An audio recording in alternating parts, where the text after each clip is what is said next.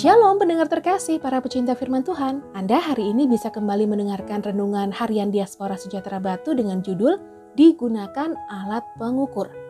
Bacaannya dari Wahyu 11 ayat 1 sampai 3. Dua saksi Allah. Kemudian diberikanlah kepadaku sebatang bulu, seperti tongkat pengukur rupanya, dengan kata-kata yang berikut. Bangunlah dan ukurlah bait suci Allah dan mesbah, dan mereka yang beribadah di dalamnya tetapi kecualikan pelataran bait suci yang di sebelah luar, janganlah engkau mengukurnya, karena ia telah diberikan kepada bangsa-bangsa lain, dan mereka akan menginjak-injak kota suci 42 bulan lamanya. Dan aku akan memberi tugas kepada dua saksiku, supaya mereka bernubuat sambil berkabung 1260 hari lamanya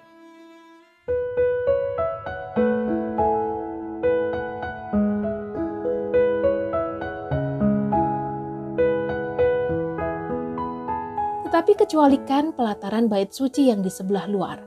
Janganlah engkau mengukurnya karena ia telah diberikan kepada bangsa-bangsa lain dan mereka akan menginjak-injak kota suci 42 bulan lamanya. Wahyu 11 ayat 2. Akhir dari perjalanan iman kepada Kristus adalah memiliki keserupaan dengan dia dalam karakter maupun penderitaannya. Hal inilah yang menjadi alasan mengapa penganiayaan terhadap gereja Tuhan masih terus terjadi tetapi tekanan bahkan penganiayaan ini tidak akan memisahkan orang percaya dari Kristus. Akan tetapi, jika orang tersebut sendirilah yang memilih meninggalkan Tuhan, maka perpisahan ya akan terjadi.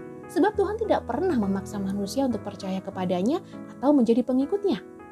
Tuhan menghendaki iman setiap orang percaya itu kuat, seperti halnya Yesus ketika menjadi manusia. Dia hanya terfokus pada program ilahinya untuk menyelamatkan manusia, sehingga pada saat menjadi manusia, Yesus memiliki kepercayaan, ketekunan, ketaatan, kesetiaan yang benar-benar berkualitas. Karena memiliki iman yang teguh adalah kehendak Allah dalam hidup orang percaya, maka Allah mengizinkan orang percaya mengalami masalah dalam hidupnya. Sebenarnya, penganiayaan, tekanan, dan juga masalah yang dihadapi oleh orang percaya itu adalah fasilitas dari Tuhan yang bisa digunakan untuk mengukur kualitas atau mutu iman mereka seperti pepatah yang mengatakan pelaut yang tangguh tidak terbentuk dari ombak laut yang tenang.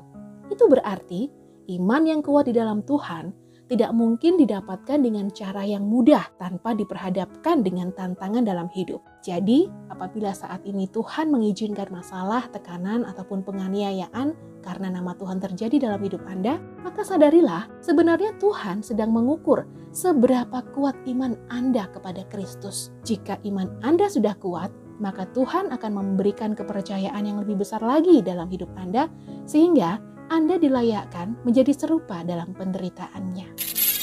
Sebab semua orang yang dipilihnya dari semula, mereka juga ditentukannya dari semula untuk menjadi serupa dengan gambaran anaknya, supaya ia, anaknya itu menjadi yang sulung di antara banyak saudara.